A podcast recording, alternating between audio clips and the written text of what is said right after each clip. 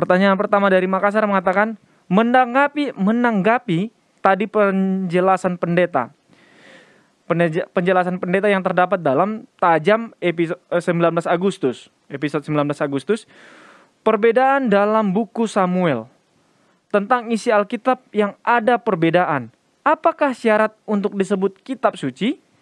Kalau ada perbedaan, walaupun itu hanya angka, apakah masih bisa dikatakan kitab suci?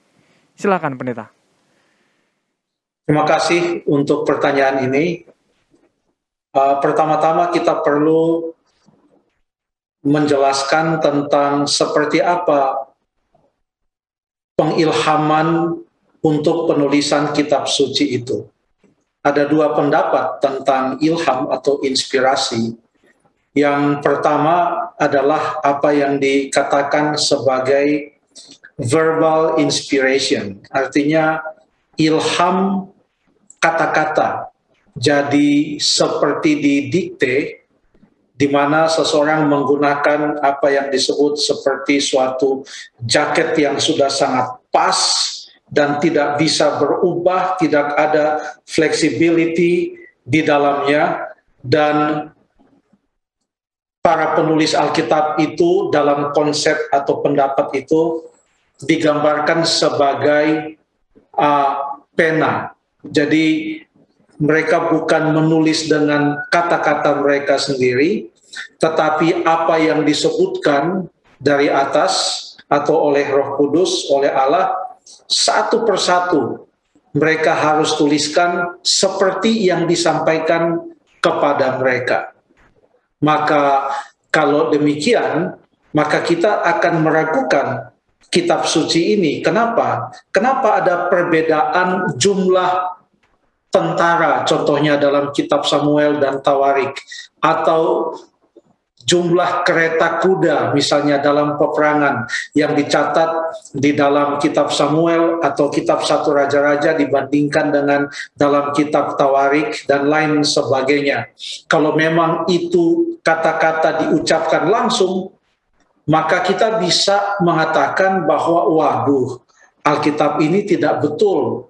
Kalau memang diilhami dengan didikte secara langsung, kenapa ada data-data yang sepertinya tidak selaras satu kitab dengan kitab yang lain?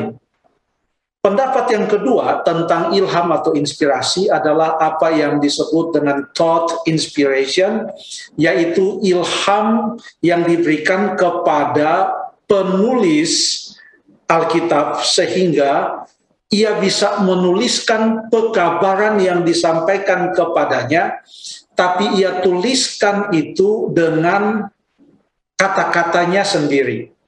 Setiap penulis Alkitab mempunyai uh, perbendaharaan kosakata yang berbeda-beda, bukan hanya jumlah kata atau kosakata yang mereka miliki saja, tetapi penggunaan kata-kata pun berbeda karena ada yang mau menggambarkan suatu pekabaran dengan menggunakan kata-kata yang lebih tepat dengan profesinya. Contoh se sebagai seorang gembala yaitu Raja Daud. Sebelum ia menjadi raja dia adalah gembala. Atau seseorang yang mempunyai uh, pendidikan teologi yang sungguh luar biasa sehingga waktu dia menuliskan pekabaran itu maka kalimat-kalimatnya panjang-panjang dan agak sulit untuk dimengerti seperti yang dituliskan oleh Rasul Paulus. Jadi ada perbedaan-perbedaan dari setiap penulis nah, Alkitab. Jadi di antara dua faham inspirasi antara inspirasi verbal atau lisan atau inspirasi pada pikiran, mana kira-kira inspirasi yang terjadi di dalam penulisan Alkitab ini. Untuk itu tentu kita harus bertanya kepada Alkitab bagaimana Alkitab ini ditulis. Dalam buku 2 Petrus pasal 1 2 Petrus pasal 1 ayat yang ke-20 dan ke-21 dikatakan yang terutama harus kamu ketahui ialah bahwa nubuat-nubuat dalam kitab suci tidak boleh ditafsirkan menurut kehendak sendiri, sebab tidak pernah nubuat dihasilkan oleh kehendak manusia, tetapi oleh dorongan Roh Kudus, orang-orang berbicara atas nama Allah. Jadi Roh Kudus menggerakkan penulis Alkitab, lalu penulis Alkitab akan berbicara atau menuliskan atas pekabaran yang diberikan kepadanya setuju dengan atau berdasarkan kata-kata yang bisa ia gunakan. Kadang-kadang ada perbedaan data terjadi bukan pada saat penulisan itu tetapi bisa juga terjadi pada saat uh, penyalinan dari satu salinan kepada salinan yang berikut. Dan bagi para pemirsa yang pernah melihat uh, Alkitab dalam bahasa Ibrani maupun Alkitab dalam bahasa Yunani ada yang disebut sebagai aparatus contohnya untuk Alkitab Perjanjian Baru atau sejenis catatan kaki.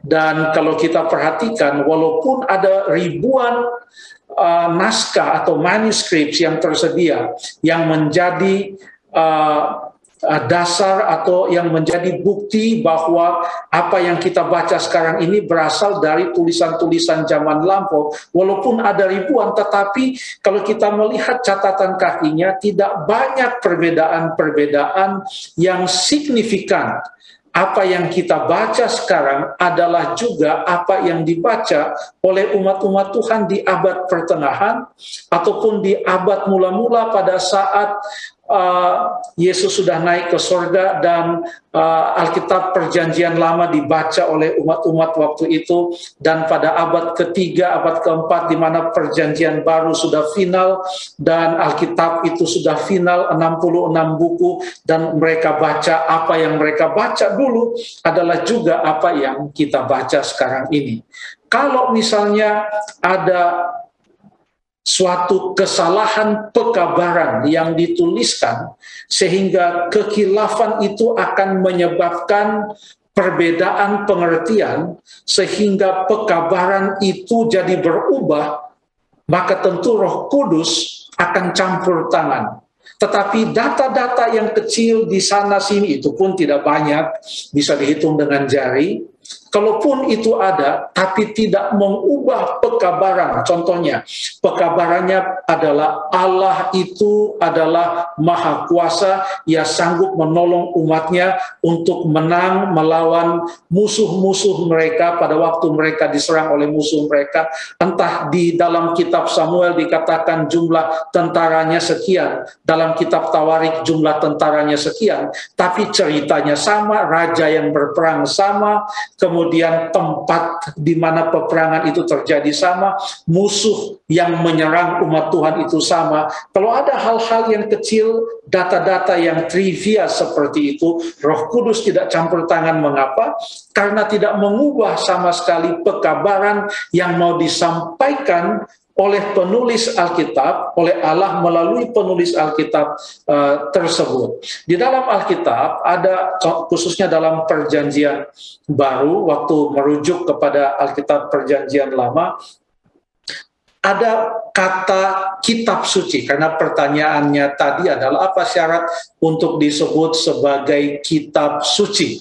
Coba kita lihat apa yang dikatakan oleh rasul-rasul di dalam uh, Alkitab mengenai 39 kitab perjanjian lama yang kita miliki sekarang ini yang pada saat itu juga telah mereka baca.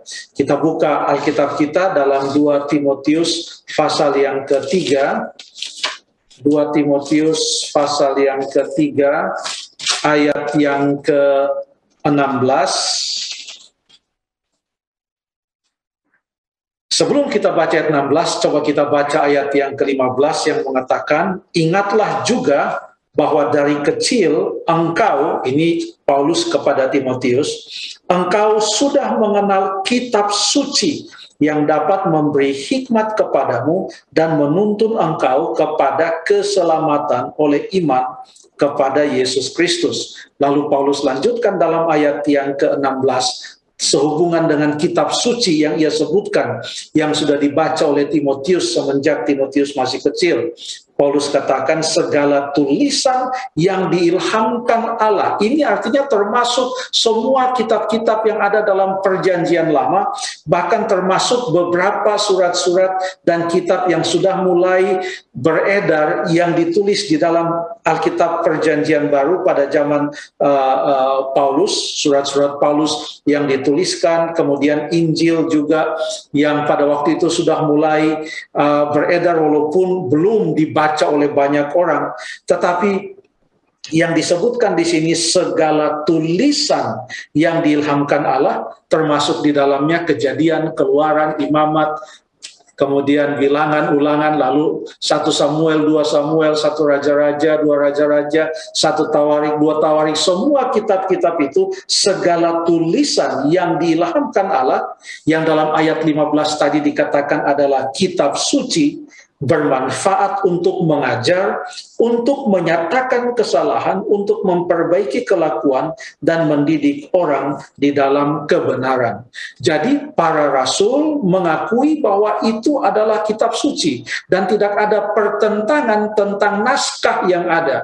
Yang ada pada saat itu, pertentangan yang ada, khususnya pada zaman Yesus, bukan tentang naskah kitab suci itu, tetapi bagaimana menafsirkan kitab suci itu, itu yang selalu menjadi uh, poin pertentangan yang sering di, di, di, diangkat oleh orang-orang Yahudi, oleh, oleh para uh, ahli Taurat. Bagaimana dengan uh, Tuhan Yesus sendiri? Coba kita baca di dalam Lukas pasal yang ke 10, Lukas pasal yang ke-10, saya mau kita baca di ayat yang ke-27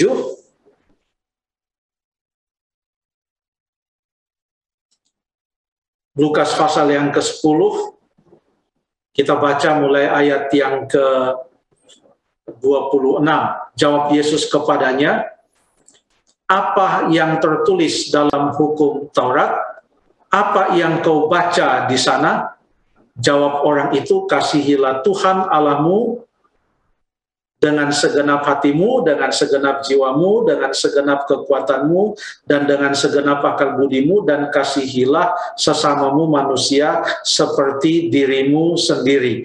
Jadi kita bisa melihat di sini antara Tuhan Yesus dan ahli Taurat sama-sama mengakui teks atau naskah uh, kitab Taurat yang dikutip di sini, yang tentunya di uh, ambil dari dalam uh, Alkitab uh, Perjanjian Lama.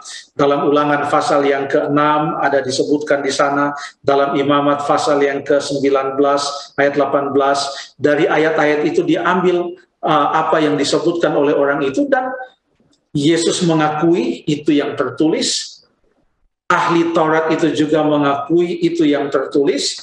Seperti yang saya katakan tadi tidak ada pertentangan tentang naskah itu.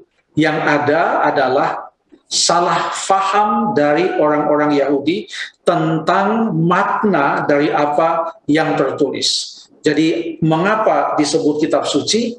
Oleh sebab pekabarannya selaras, karena itu tentang pekabaran yang suci, yaitu keselamatan yang Tuhan sediakan. Karena itu diilhami oleh Roh Kudus, lalu kemudian karena itu memberikan pekabaran yang selaras untuk keselamatan manusia. Sebenarnya kitab suci ini adalah perpaduan antara penyataan ilahi, inspirasi dari Allah dengan karya manusia dalam artian ditulis oleh manusia. Mungkin kalau kita baca Alkitab di dalam uh, buku 2 Korintus pasal yang keempat ayat yang ketujuh kita boleh melihat uh, ilustrasi bagaimana Paulus menggambarkan akan hal tersebut. 2 Korintus pasal yang keempat ayat yang ketujuh Paulus katakan tetapi harta ini kami punyai dalam bejana tanah liat supaya nyata bahwa kekuatan yang melimpah-limpah itu berasal dari Allah bukan dari diri kami. Harta itu atau firman Allah itu disimpan di dalam bejana tanah liat. Bejana tanah liat kan rapuh. Itulah manusia seperti bejana tanah liat. Bejana itu tidak sempurna, bejana itu rapuh, tetapi harta yang disimpan di dalam bejana itu adalah kebenaran, adalah firman Allah, adalah kitab suci, adalah pekabaran tentang keselamatan, disimpan di dalam bejana tanah liat. Kita bersyukur karena sampai sekarang ini firman Tuhan masih bisa kita baca dan apa yang kita baca sekarang adalah juga apa yang dahulu dibaca oleh orang-orang Kristen sebelum kita. Terima kasih.